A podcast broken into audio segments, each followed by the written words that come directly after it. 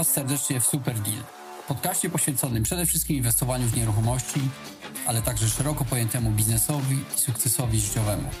W naszym programie gościć będziemy najlepszych inwestorów, fliperów, deweloperów, którzy dzieli się będą z Wami prostymi wskazówkami, które pomogą Wam również lepiej inwestować i szybciej osiągnąć wymarzony sukces zawodowy i życiowy.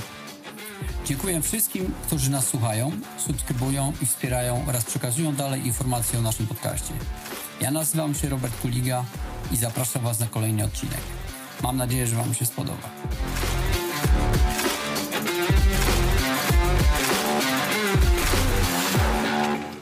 Cześć, witam Was serdecznie. Z tej strony Robert Kuliga. Dzisiaj w podcaście Super Deal mamy gościa e, z firmy Rozsądni Bracia.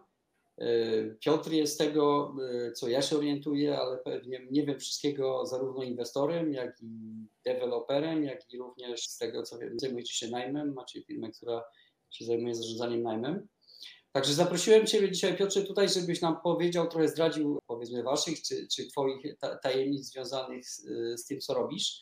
Podzielił się tymi informacjami z naszymi słuchaczami, żeby oni też przy okazji może się czegoś ciekawego nauczyli i dowiedzieli o tym, co wy robicie i jak lepiej, jak być lepszym inwestorem, jak generalnie to robić po prostu lepiej.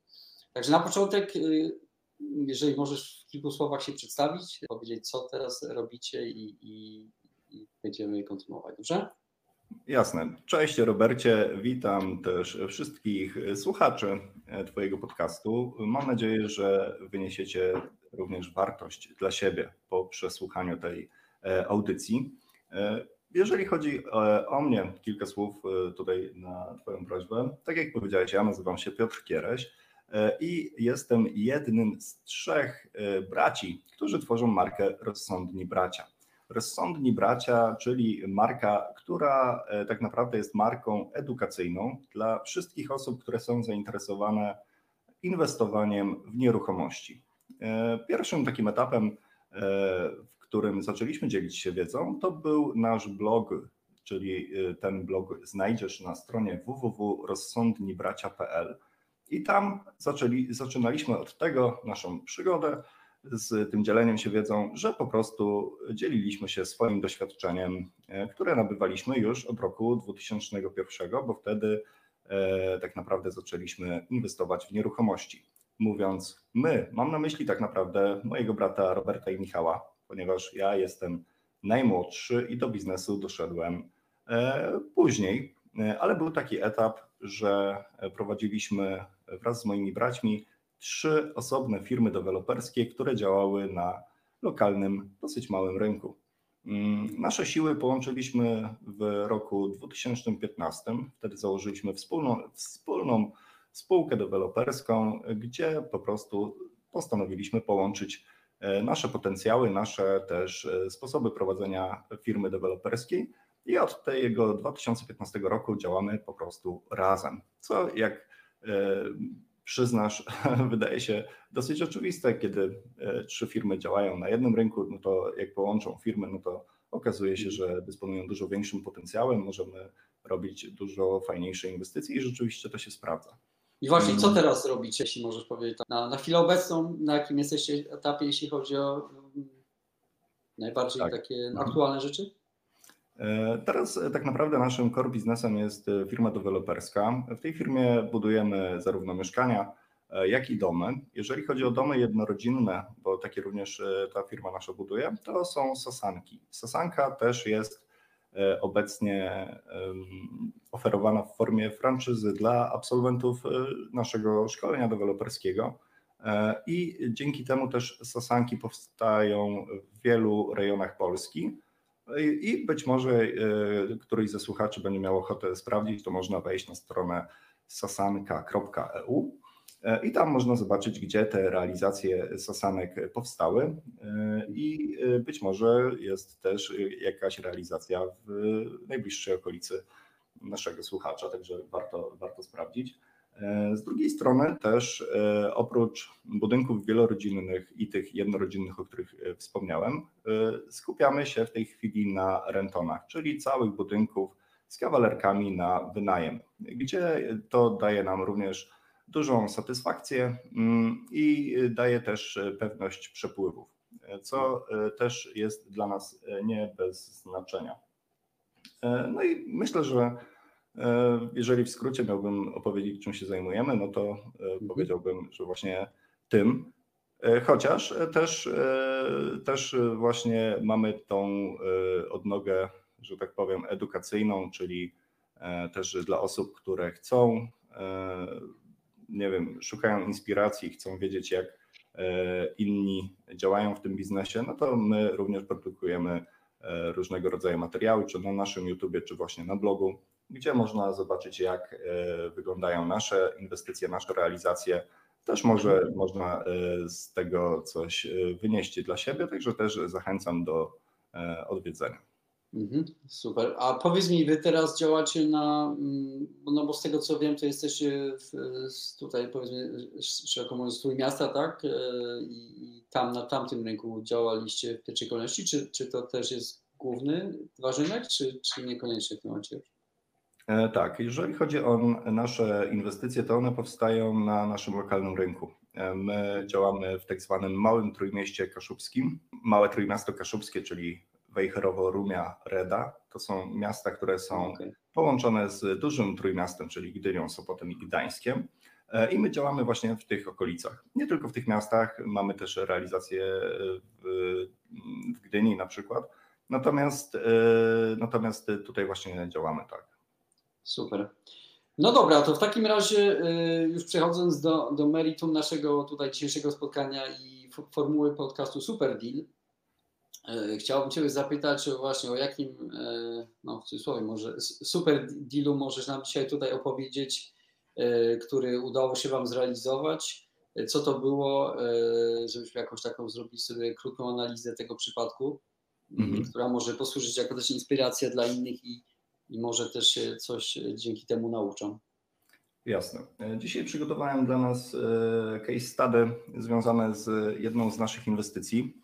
Nie jest to też tak, że wybrałem inwestycję, która jest, y, nie wiem, super dealem w tym sensie, że najbardziej dochodowa, jaka, jaką zrealizowaliśmy, e, czy e, pod jakimś innym względem wyjątkowa. To jest inwestycja, która uważam, że jest y, na tyle y, dobrze, dobra do przedstawienia w Twoim podcaście, z tego względu, że ma dosyć prostą strukturę, jeżeli chodzi o realizację i finansowanie. Także myślę, że tutaj po prostu mhm. ten przykład będzie e, najbardziej taki e, wartościowy dla słuchaczy. E, tak. Bo nie ma tutaj skomplikowanej struktury, jeżeli chodzi, nie wiem, na przykład o etapowanie inwestycji, gdzie wiadomo, że czasem te etapy się na siebie nadchodzą i trochę potrafią zamglić ogólny obraz, szczególnie kiedy chce się o nim opowiedzieć w trakcie krótkiej audycji. Więc y, tutaj wybrałem e, właśnie taki przykład. Tak, bo ja czasami mówię tą formułę super deal, trochę tak z przekąsem, nie wiem czy akurat to wyczułeś, bo, bo to ja, ja szczerze mówiąc też mam zdanie takie, że że tak powiem, uganianie się za takim super dealem, to, to tak naprawdę nie ma specjalnie sensu, prawda? I często to, to jest kwestia właśnie takich przygotowania i można z projektu, który całkiem wydaje się normalny, zrobić coś fajnego i robiąc takie zwykłe, normalne rzeczy też yy, zarabiać na tym, prawda? Nie trzeba wcale tylko szukać super deala, prawda? No, myślę, że najważniejsze jest to, że, że po prostu czasem szukanie super deala e, może spowodować to, że ktoś e, w ogóle nie zacznie działać, ponieważ w jego przekonaniu e, jakiś deal nie jest super. E, a e, właśnie to jest najlepsza droga do tego, żeby po prostu nic e, nie zrobić. Więc jeżeli miałbym coś doradzać, to warto skupić się też na takich inwestycjach, które nie są, mm, jakby to powiedzieć. Nie są może od razu super dealem, ale można wykreować wartość w nich, prawda? Dokładnie tak. No, jeżeli zamkniemy się na to, że po prostu musimy mieć coś, nie wiem, 3-4 razy y, lepszego niż y, y, wynikałoby z normalnych uwarunkowań, no to może się okazać, że po prostu nie zaczniemy działać. A wydaje mi się, że to nie jest najlepsza strategia. Jasne. No dobra, no to w takim razie powiedz może, znaczy powiesz jaki to jest, jaki to był rodzaj inwestycji, jak udało się go pozyskać może na początek, mhm. jaki był pomysł założenia? Tak, jeżeli chodzi o tą inwestycję, którą chciałbym się z Wami podzielić, to jest inwestycja, która składała się z y, budowy budynku wielorodzinnego, w którym były 52 mieszkania. Mm, I to jest inwestycja, gdzie y, działkę pozyskaliśmy w roku 2018, y, we wrześniu dokładnie. I to była nieruchomość, która, którą zlokalizowaliśmy za pośrednictwem pośrednika, e, który z nami współpracuje. E, I co ciekawe, mm, i to jest może interesujące dla osób, które są zainteresowane deweloperką, to to, że w deweloperce bardzo ważne jest to, w jaki sposób się finansuje inwestycje. Mm, czyli można zrealizować inwestycję, która jest dokładnie taka sama, i ona może być dużo mniej dla nas satysfakcjonująca pod kątem e, finansowym właśnie, jeżeli jest e, źle zaprojektowana również pod kątem finansowym. E, I tutaj w tej inwestycji, mm, tak jak wspomniałem, we wrześniu 2018 roku podpisaliśmy umowę przenoszącą własność, natomiast korzystaliśmy tutaj z takiego mechanizmu, który powoduje to, że w momencie, kiedy podpisywaliśmy umowę przenoszącą własność, nie płaciliśmy, i tak się umówiliśmy z właścicielem, że nie płacimy mu całości, tylko zapłaciliśmy mu e, część tej kwoty. Cała nieruchomość była wyceniona na 1 600 tysięcy złotych, e, a w pierwszym etapie właśnie przy umowie przeniesienia własności przelaliśmy kwotę 500 tysięcy.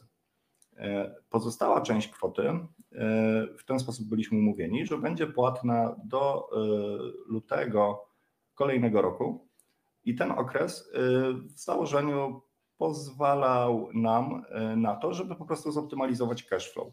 To jest też taki czas, który w optymalnych warunkach pozwala na zorganizowanie pozwolenia na budowę.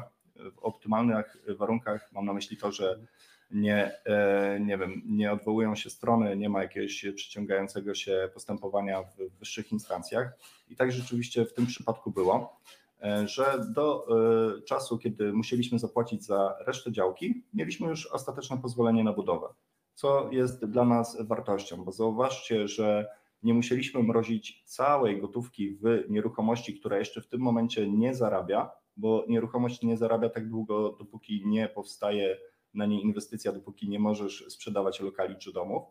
E, I jest to właśnie element też tego y, mechanizmu, który sprawia, że po prostu cash flow i wyniki z inwestycji e, mogą być e, później bardziej satysfakcjonujące. No, to jest też fajna wskazówka dla właśnie myślę dla, dla osób, które, że można tak bardziej kreatywnie do tego podejść, w sensie E, rozmawiać też mm, osobami, e, niekoniecznie wszyscy potrzebują od razu gotówkę, e, żeby zapłacić całość, prawda, przy, przy kupnie takich działek, prawda. Są tacy, którzy może są w stanie w jakiś sposób poczekać na część płatności. Nie, fajny pomysł, dokładnie. Jest tak, że warto rozmawiać zawsze i jeżeli jest jakaś cena, czy jakieś są inne uwarunkowania, które wydają się dla nas nieoptymalne, no to warto zawsze rozmawiać z właścicielem, ponieważ jeżeli nie będziesz rozmawiał z właścicielem, to na 100% nie dojdziecie do porozumienia. Czyli jeżeli na przykład odpuścisz z jakichś względów e, daną nieruchomość, e, natomiast jeżeli nawiążesz kontakt z tym właścicielem, no to może się okazać, że e, niektóre rzeczy po prostu jesteście w stanie donegocjować w ten sposób, żeby było to odpowiednie dla obu stron. I tutaj mhm. warto na pewno na pewno warto kontakty nawiązywać i e, wiadomo, że też nie wszystkie zawsze się powiodą, natomiast kto nie próbuje, ten po prostu na pewno nie osiągnie sukcesu. Plus drugi element też korzystanie jednak z pośredników, prawda? W sensie, że oni się tym zajmują zawodowo i warto korzystać z ich oświadczenia i z tego, że, że są w stanie nam pomóc, prawda? Mają w tym interes generalnie. Tak, natomiast też e, nie wszyscy pośrednicy działają w ten sposób, czy może inaczej nie wszyscy sprzedający dodają samodzielnie e, ogłoszenia o sprzedaży, nie wszyscy też mają na tyle, e, mm, są na tyle zmotywowani, żeby te ogłoszenia przedłużać, e, jeżeli przez jakiś okres po prostu nie trafi im się klient.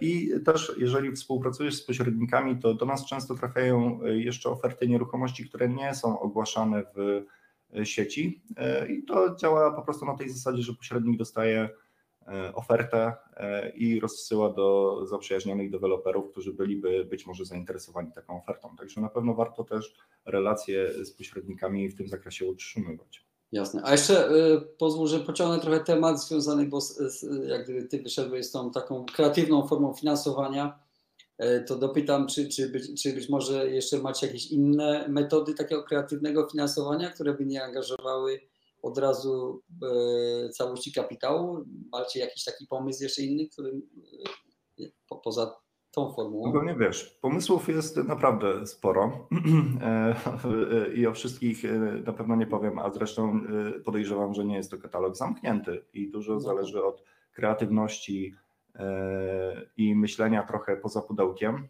mm, bo tak naprawdę każde wymaganie sprzedającego czy jego oczekiwania można im w jakiś sposób sprostać. Jeżeli na przykład, nie wiem, komuś zależy na gotówce tu i teraz, nie jest zainteresowany, żeby e, dostawać kasę z jakimś odroczonym terminem, no to też może się okazać, że w takim przypadku będzie bardziej skory do na przykład obniżki ceny nieruchomości, prawda? Jeżeli komuś e, zależy na kasie tu i teraz, no to często e, też można podnosić wtedy to i wskazywać jako argument do tego, żeby po prostu uzyskać korzystniejszą cenę nieruchomości. Może się w takim przypadku okazać, że na przykład pożyczenie pieniędzy z rynku jest y, de facto tańsze niż, niż taka potencjalna obniżka, którą jest nam w stanie zaoferować sprzedający. E, no i zobaczcie, że tutaj e, można byłoby powiedzieć, że jeżeli ktoś chce kasę tu i teraz za nieruchomość, no to e, jeżeli takiej kasy nie mamy, no to po prostu odpuszczamy. I no, mówimy, dobra, nie, nie jesteśmy w stanie się dogadać, bo my akurat teraz mamy trwającą inwestycję, nie możemy jeszcze zamrozić kasy w jakiejś nieruchomości ale jeżeli podejdziemy do tego w sposób bardziej z otwartą głową, no to może się okazać, że e, obniżka 15-20%, e, jeżeli tak e, by się udało, jest dla sprzedającego również satysfakcjonująca, a to będzie taka obniżka, która pozwoli nam na przykład na zaspokojenie zysku dla inwestorów zewnętrznych. Także mhm. Także tutaj, e, jeżeli mógłbym mm, jakąś taką ogólną zasadę powiedzieć, to to, że warto e, właśnie rozmawiać i wczuwać się w motywację sprzedających e, i po prostu próbować wyjść im naprzeciw. Czy też, znaczy wczuwać się jak wczuwać, ale na pewno pytać ich o ich motywację, prawda, w sensie, bo to też w przypadku nieruchomości mieszkaniowych się, znaczy z mojego doświadczenia się sprawdza, mm -hmm. także że czasami dzięki temu można zrobić jakąś in, nietypową strukturę takiego, takiego powiedzmy mm, zakupu. No dobrze, y, to mm, powiedzmy y, idąc, idąc dalej, y, chciałem Ciebie zapytać, bo troszkę powiedziałeś o tym, jaka była wielkość tego projektu. 52 mieszkania, tak? Mhm. A jaki był generalnie mm, pomysł założenia co do, znaczy okej, okay, wybudowania, a później sprzedaż, wynajem, jaki był pomysł w tym przypadku? E, to e, była w założeniu typowa inwestycja deweloperska, czyli e, wybudowanie budynku z mieszkaniami i ich pojedyncza sprzedaż na rynku klientom indywidualnym. Mhm, okej, okay, super. To może powiedzmy kilka słów przynajmniej o tej analizie opłacalności i finansach, trochę jak to się, po pierwsze, jakie były założenia finansowe, też może Yy, właśnie jak finansowaliście cały ten projekt? Jasne. E, mam tutaj przygotowanych kilka liczb, e, także chętnie się z nimi podzielę. E, więc może zacznijmy od tego, jaki był koszt działki. Koszt działki to był milion 600 tysięcy złotych. I wiadomo też, że przy realizacji inwestycji deweloperskiej musimy mieć pozwolenie na budowę. Przypominam, że to był rok 2018, e, więc e, kiedy zaczynaliśmy tą inwestycję i wtedy też spinaliśmy się na przykład z projektantem, e, koszt projektu na te 52 mieszkania to był wtedy koszt 180 tysięcy złotych. Na ten moment myślę, że to już jest cena, której, którą trudno byłoby uzyskać za tego typu projekt, ponieważ ceny oczywiście Y, strasznie wzrosły wszystkiego, w tym również projektów. Natomiast rząd wielkości tutaj mm, myślę, że e, właśnie możemy zaznaczyć. E, jeżeli chodzi o samą powierzchnię działki, ona miała niecałe 4000 metrów. E, niecałe 4000 metrów. I teraz Jak to wychodziło w liczbach już na etapie konkretnej realizacji? Jeżeli to są teraz koszty i przychody netto już, tak, czyli bez mhm. VAT-u. Koszty inwestycji to było 10 milionów złotych, około tam z jakimś niewielkim marginesem. Przychód 13,5 miliona złotych, a dochód 3,5 miliona złotych, tak? No prosto to akurat można wyliczyć. I sama budowa trwała 14 miesięcy. Czyli 14 miesięcy trwała e, budowa i zakończenie inwestycji od momentu wbicia łopaty do e, momentu po prostu zakończenia inwestycji. Oczywiście jest tutaj pewien disclaimer, który chciałbym złożyć. To znaczy, że mm, działalność deweloperska, wbrew temu, co się ogólnie czasem myśli i mówi, nie polega jedynie na tym, że się buduje budynki i się następnie sprzedaje w nich mieszkania czy domy, które dana firma realizuje. Dlaczego? Ponieważ inwestycja deweloperska zaczyna się dużo wcześniej niż y, następuje wbicie pierwszej łopaty. Zobaczcie, że tutaj my zakupiliśmy działkę we wrześniu 2018 roku, y, a tak naprawdę w kolejnym roku y, rozpoczęliśmy inwestycję i inwestycja nie E, inwestycje w sensie budowy, mam na myśli oczywiście, tak, bo inwestycja zaczęła się w momencie zakupu nieruchomości, czy nawet e, na etapie określania potencjału dział, działki. Natomiast e, inwestycja też nie kończy się w momencie, kiedy sprzedajecie ostatni lokal, czy mieszkanie, czy dom w danej inwestycji, ponieważ z klientami będzie Was łączyła jeszcze długa relacja, która nazywa się rękojmia. I e, też trzeba o tym pamiętać, że inwestycja deweloperska nie kończy się w momencie, w którym sprzedajecie ostatni lokal, e, dom czy mieszkanie. A co właśnie coś powiedziałbyś więcej na temat tej rękojmi, bo dla tych osób, które nie do końca wiedzą, e, tak, no tak to jest mniej sexy właśnie element bycia deweloperem, tak? Tak, natomiast to co ciekawe i też chętnie o tym powiem, to rękojmia jest takim zobowiąza zobowiązaniem sprzedającego, który jest y, odpowiedzialnością za wady, które mogą się ujawnić w y, sprzedanej nieruchomości. I ta rękojmia standardowo w przypadku nieruchomości trwa 5 lat y, od momentu przekazania budynku czy mieszkania, natomiast w niektórych przypadkach może trwać bezterminowo. Ale co ciekawe, to to, że to nie jest przepis, który dotyczy deweloperów, tylko to jest przepis, który dotyczy sprzedającego nieruchomość. Więc jeżeli sprzedajesz nieruchomość jako osoba fizyczna, to nawet jeżeli o tym nie wiesz, to z mocy prawa również udzielasz rękojmi kupującemu. Co y, jeszcze nie jest bardzo popularne w naszym kraju, mam wrażenie, żeby domagać się od, od osoby fizycznej, od której kupiłeś mieszkanie, jakiejś e, rekompensaty za ujawnione w trakcie rękojmi wady. Natomiast warto zdawać sobie z tego sprawę, że rękojmia nie jest rzeczą, która dotyczy jedynie deweloperów, ale ona dotyczy wszystkich osób, które sprzedają w tym przypadku nieruchomość, bo o tych nieruchomościach rozmawiamy.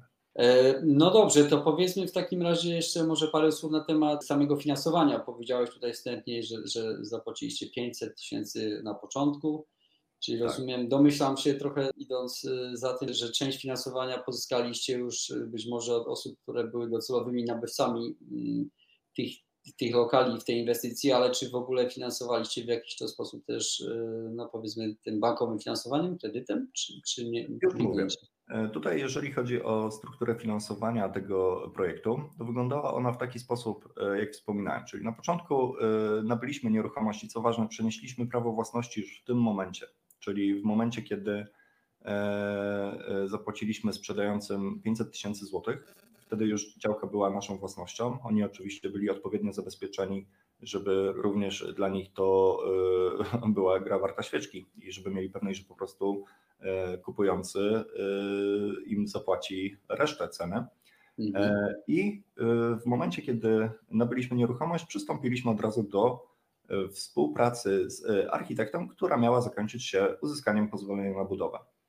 E, do tego projektu zaprosiliśmy inwestora zewnętrznego, który po prostu dokapitalizował w pewnym zakresie spółkę, która pozwalała z jednej strony na zapłatę reszty ceny a za nieruchomość, a z drugiej strony też mieliśmy swoje środki, które pozwalały na zorganizowanie tego pozwolenia na budowę, czyli opłacenie kosztu architekta i usługi architekta, no i pieniądze też, które są potrzebne na rozruch tego typu projektu. Kiedy mieliśmy pozwolenie na budowę, które jest ostateczne, prawomocne, E, wystąpiliśmy do banku o to, żeby e, uzyskać finansowanie bankowe. Finansowanie bankowe jest o tyle ważne, że pozwala nam e, bardzo realistycznie i w sposób bezpieczny planować przebieg inwestycji. To znaczy, kiedy mamy finansowanie bankowe, to nie jesteśmy z jednej strony zmuszeni sprzedawać na pniu wszystkich nieruchomości, ponieważ nie zawsze jest to też dobry pomysł, żeby sprzedawać wszystko w przedsprzedaży. Nawet powiem więcej, jeżeli ktoś ma taki biznesplan, który zakłada, że w trakcie przedsprzedaży sprzeda 80% lokali, e, to powiem, że e, prawie na pewno nie jest to optymalna e, strategia, bo gdyby nawet ona się powiodła, to oznacza to tyle, że jest, był, czy był potencjał do tego, żeby ceny nieruchomości w czasie wzrosły.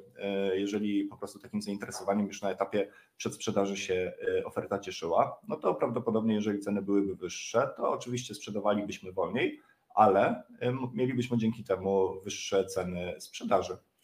No plus te, tak jak teraz mamy sytuację, że koszty niesamowicie rosną realizacji inwestycji.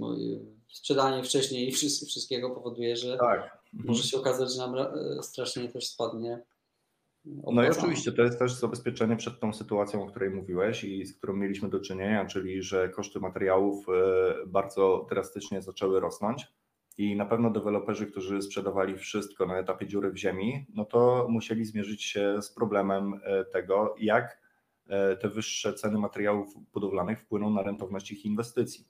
E, I też właśnie taka sprzedaż e, z, z odpowiednią strategią, czyli zakładająca jednak to, że przez cały okres inwestycji sprzedajemy nieruchomości, a nie, że większość sprzedajemy na samym początku, to też sprawia, że pod tym kątem inwestycja jest bezpieczniejsza. Mhm. Dokładnie. No dobrze, to y, nie masz jeszcze jakieś, no bo ja mam takie jeszcze jedno główne pytanie dotyczące może bardziej już Twoich e, takich porad, wskazówek, które, które chciałbyś udzielić osobom, które chciałyby wejść tego typu tematy albo już się zajmują tego typu tematami, które mogłyby praktycznie zastosować. E, natomiast no, chyba, że jeszcze, jeszcze coś masz z tych informacji dotyczących tej inwestycji. Chciałbym e, powiedzieć tylko jedną rzecz, że w przypadku tej inwestycji e, wkład własny, który był wymagany przez bank, wynosił 20%. I z tego co pamiętam, to właśnie sam koszt nieruchomości plus koszt projektu stanowił odpowiednią wartość do wkładu własnego. Choć teraz jak liczę sobie na bieżąco, to wydaje mi się, że musieliśmy jeszcze e, wykonać część pracy jeszcze z naszej e, gotówki, e, żeby po prostu do tego 20% wkładu własnego dobić. Natomiast zwróćcie uwagę, że współpraca z inwestorem zewnętrznym pozwoliła nam na to, że tak naprawdę Duża część tego wkładu własnego była zapewniona przez inwestora zewnętrznego, reszta e, z kredytu bankowego, więc tak naprawdę zobaczcie, jaki to jest niesamowity, niesamowita optymalizacja cash flow w firmie deweloperskiej i też e, myślę, że warto zwrócić na to uwagę.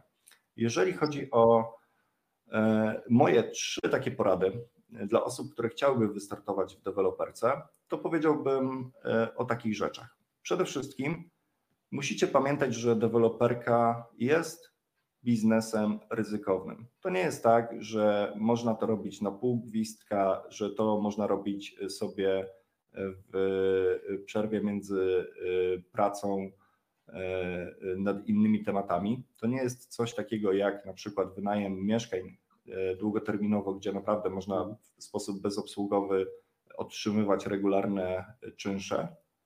Wiem, bo sam kiedyś również e, e, sam samodzielnie zajmowałem się e, wynajmem, wynajmem swoich mieszkań i wiem, że po prostu byłem w stanie to robić bez straty dla moich pozostałych aktywności. To z deweloperką tak nie jest. Deweloperka z jednej strony wymaga bardzo dużej uważności, z drugiej strony jest to biznes naprawdę ryzykowny, gdzie ryzyka mogą ujawnić się na różnych etapach życia inwestycji, a żeby inwestycja zakończyła się sukcesem, to każdy z poszczególnych etapów musi zakończyć się również sukcesem. Deweloper bierze kasę za to i tak naprawdę jest odpowiedzialny za to, żeby te wszystkie procesy spinać z sukcesem i żeby oczywiście znaleźć nabywców na swoje nieruchomości. Więc e, to, co widać czasem z zewnątrz, że deweloperzy to, e, wiecie, są w krainie mlekiem i miodem płynącej i tak naprawdę e, nic ich nie dotyka, to trzeba pamiętać tylko o tym, że diabeł tkwi w szczegółach i często tam właśnie czyhają zagrożenia. Nie, nie ma tak zwanych free lunchy, prawda? że, że to dokładnie, bo ja, ja też, że tak powiem, się trochę włączę w to, bo nawet kiedyś mam nawet z jednej z prezentacji taką piramidę ryzyka i tam de facto, o ile na samym dole są takie rzeczy typu podnajem, prawda, gdzie tak naprawdę w ogóle nie musimy angażować swojego kapitału, możemy przetestować rynek tylko, tylko e, za niewielką kwotę, później wynajem, wynajem pokoi e, i gdzieś deweloperka to bardziej jest tam na górze tej piramidy, gdzie i zaangażowanie kapitałowe i ryzyko jest jednak duże, prawda, i to nie jest coś, co można robić, y, że tak powiem, czy, czy zalecamy, żeby robić na samym pewnie początku, a wręcz bym powiedział, że tak jak ze wszystkim trzeba się dobrze wyedukować, prawda? Wy, wy się zajmujecie edukacją, no, są inne też podmioty i tutaj yy, właśnie myślę, że to jest jedna z dobrych rad dla ludzi, którzy chcieliby wejść w ten temat, to znaczy najpierw zajmijcie się edukacją swoją, a nie testujcie, że tak powiem, na sobie. To, to była akurat trzecia moja okay. porada, którą no, chciałem e, zgłosić. To znaczy, ale może być drugą już teraz, skoro zaczęliśmy ten temat.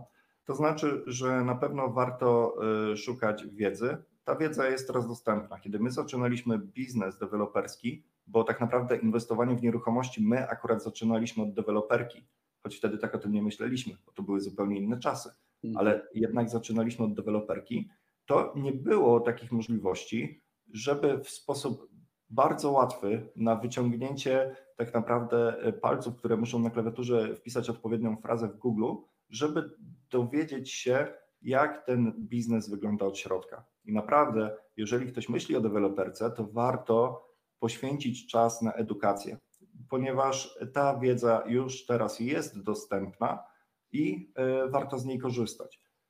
E, też oczywiście są szkolenia e, i Y, wiesz, my też prowadzimy szkolenia deweloperskie. Natomiast dla osób, które nie chcą wydawać kasy, nie chcą poświęcać czasu, to nawet takie skorzystanie z ogólnodostępnych materiałów może być wartościowe i warto to robić.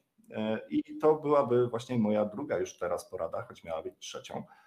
A jeżeli chodzi o trzecią rzecz, to mm, myślę, że warto, jeżeli ktoś nie jest przekonany do spółek, czyli spółki, założenia e, firmy w formie prawnej spółki z ograniczoną odpowiedzialnością, czy jakąś inną, która jest formą bezpieczną i e, optymalną do prowadzenia ryzykownych inwestycji, jakimi powiedzieliśmy sobie, że są również inwestycje deweloperskie, to warto, żeby zmienił swoje podejście, ponieważ spółki to jest niesamowite narzędzie do tego, żeby firmę rozwijać i spółki pozwalają realizować projekty, które z jednej strony są E, bezpieczniejsze, e, a z drugiej strony też e, dają niesamowite możliwości rozwoju firmy. Są bardziej te firmy elastyczne, mamy możliwość pozyskiwania łatwiejszego kapitału zewnętrznego, jest to wszystko fajnie uregulowane, także trzecią moją poradą byłoby to, żeby jeżeli ktoś nie jest do nich przekonany, to też zgłębić temat spółek. Najprostsza spółka,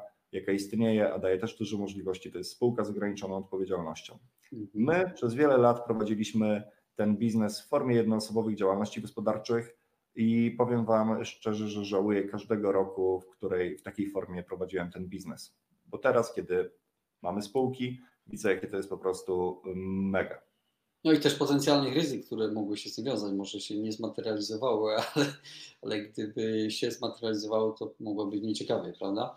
E, znaczy ja jeszcze tylko do jednej rzeczy dam, bo to jest, my to też ich mieszkańczyku i ja też staram się to e, wielu osobom uświadomiać, e, że właśnie to, co wyróżnia te osoby, które faktycznie duży sukces osiągnęły i, i czy osiągają, to one nie widzą takiego powiedzmy, takiej rzeczy jak, jak edukację, czy, czy wydania powiedzmy, nie wiem, tam 4 tysięcy na taki, czy, czy ileś na, na taki kurs jako koszt, tylko powiedzmy jako coś, co one widzą i ile dzięki temu powiedzmy mogą zaoszczędzić problemów, ile zarobić, prawda, i ile to zrobić szybciej. Więc to jest, tak, to jest takie mentalne podejście trochę, no nie? A, a ja czasami mam, jestem w szoku na przykład, że na mieszkańczyka ludzie, szkoda im wydać, nie wiem, nie wiem 100 zł na, na coś, żeby, żeby zdobyć wiedzę, która generalnie zarobią dzięki nią, nie wiem, 10, 10 razy więcej czy 100 razy więcej, prawda? No, umówmy się, no. Y, Ogólnie jeżeli chodzi o mieszkanicznika, to my również y, w mieszkaniczniku bierzemy udział e, jako członkowie e, chyba praktycznie od początku. Mm, mhm. Tutaj rozmawialiśmy sobie trochę e, na backstage'u przed audycją, to byliśmy na jednych z pierwszych spotkań takich organizacyjnych, jeszcze przed chyba nawet formalnym założeniem Stowarzyszenia Mieszkanicznik. I to, co mnie zawsze podobało się na tego typu spotkaniach, to to, że mogłem liczyć na tą otwartość wszystkich osób, które tam E, spotykałem. E, I jeżeli ktoś z Was nie był nigdy na spotkaniu mieszkanicznika, to na pewno e, zachęcam, pewnie wspólnie z Robertem, żeby się na takim spotkaniu pojawić, hmm. ponieważ tam znajdziesz osoby, szczególnie jeżeli interesuje Cię inwestowanie w nieruchomości, to ma to duży sens, ponieważ tam znajdziesz osoby, które w nieruchomości inwestują i przynajmniej w moim oddziale w Gdańsku E, jest tak, że ludzie są bardzo chętni do dzielenia się wiedzą i możesz znaleźć tam, jeżeli myślisz o jakimś biznesie, możesz tam znaleźć osobę, która już ten biznes robi i podpowie ci, w którą stronę iść. To jest e, mega, mega wartość. Jeżeli chodzi o koszt uczestnictwa w takim spotkaniu, to to jest naprawdę e, śmieszna kwota w porównaniu z tym, co można uzyskać i na pewno warto się pojawić. Zresztą skoro już rozmawiamy o spotkaniach mieszkanicznika, to też y, powiem y, cmy, że y, również i my, jako rozsądni bracia, jeździmy teraz po lokalnych właśnie oddziałach Stowarzyszenia Mieszkanicznik z naszą prelekcją. Także też, jeżeli akurat w Twojej miejscowości czy w okolicznej miejscowości będzie nasze wystąpienie, to serdecznie zapraszam, bo będzie okazja przybić piątkę i też poznać się na żywo. No, w Warszawie będziecie w czerwcu, o ile pamiętam, tak? No, super. No, także, także, także... A, ale informacje oczywiście są na naszych stronach na mieszkańczyku, gdzie, gdzie się będziecie pojawiać. No dobrze, dziękuję Ci w takim razie bardzo za, za z mojej perspektywy ciekawą rozmowę. Dowiedziałem się też kilku co najmniej rzeczy. Akurat mnie ten temat interesuje z perspektywy też praktycznej, bo jakieś tam rzeczy też robię, powiedzmy, może nie na taką skalę jak Wy, ale ale praktycznie też działam w tym, w tym temacie, także dziękuję Ci jeszcze raz bardzo.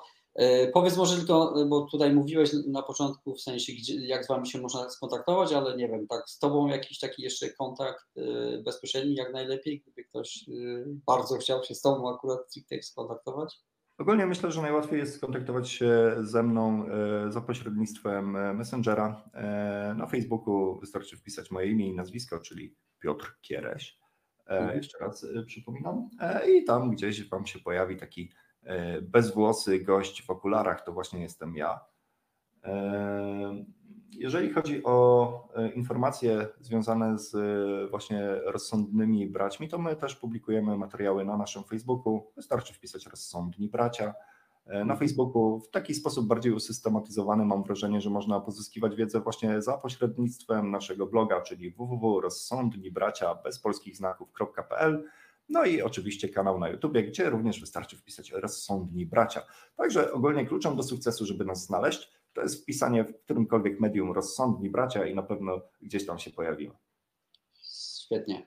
To dziękuję Ci bardzo jeszcze raz za tą e, rozmowę, za praktyczne, e, że tak powiem, wskazówki e, wynikające z Twojego akurat doświadczenia, że tutaj zaznaczmy, że, że ten, żeby ludzie też sobie zdawali z tego sprawę i myślę, że właśnie najważniejsze, żeby, żebyście pamiętali, że, że, żeby właśnie słuchać tych, którzy praktycznie, że, którzy robią to, co mówią, a nie tylko szkolą, o, bo, bo wtedy... Myślę, mhm. Myślę, że wiedza właśnie od praktyków jest na nieprzeceniona i też nie jest to wiedza, którą zawsze musicie kupować. Tak jak wspomniałem, możecie ją też zdobywać za darmo, choć wiadomo, że e, najfajniejsze zawsze case'y e, się e, dowiaduje człowiek w kuluarach czy na szkoleniu już face to face. Natomiast nawet jeżeli ktoś nie chce wydawać tej kasy, to naprawdę dużo wiedzy można znaleźć bezpłatnie w internecie. I jeszcze może na koniec powiem, że deweloperka jest y, mega satysfakcjonująca, jeżeli chodzi o y, potencjalne dochody i to, że zostawiamy po sobie coś mega trwałego. Jak będziesz przechodził później koło swoich inwestycji, ja mam tak do dzisiaj, że jestem mega zadowolony za każdym razem, kiedy widzę, jak te budynki żyją, jak zmienia się otaczająca przestrzeń.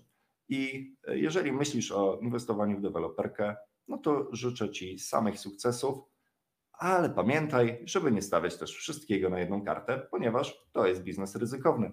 I myślę, że tym akcentem e, mój przekaz mógłby się zakończyć. Dziękuję Ci, Robercie, bardzo Dzięki. za zaproszenie do Twojego podcastu. Dziękuję naszym słuchaczom za to, że wytrwali do końca. Dzięki wielkie jeszcze raz i e, do zobaczenia. Mam nadzieję wkrótce gdzieś w innych okolicznościach również.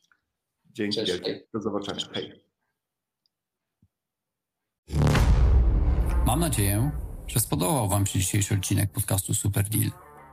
Jeśli jeszcze nie jesteście naszymi subskrybentami, kliknijcie już teraz przycisk subskrybuj, aby mieć pewność, że nie ominie Was kolejny odcinek. Pamiętajcie, sukces, jak i porażkę można przewidzieć. Jeśli Waszym celem jest szybsza droga do sukcesu w nieruchomościach, biznesie i nie tylko, słuchajcie nas w kolejnych odcinkach. Do usłyszenia.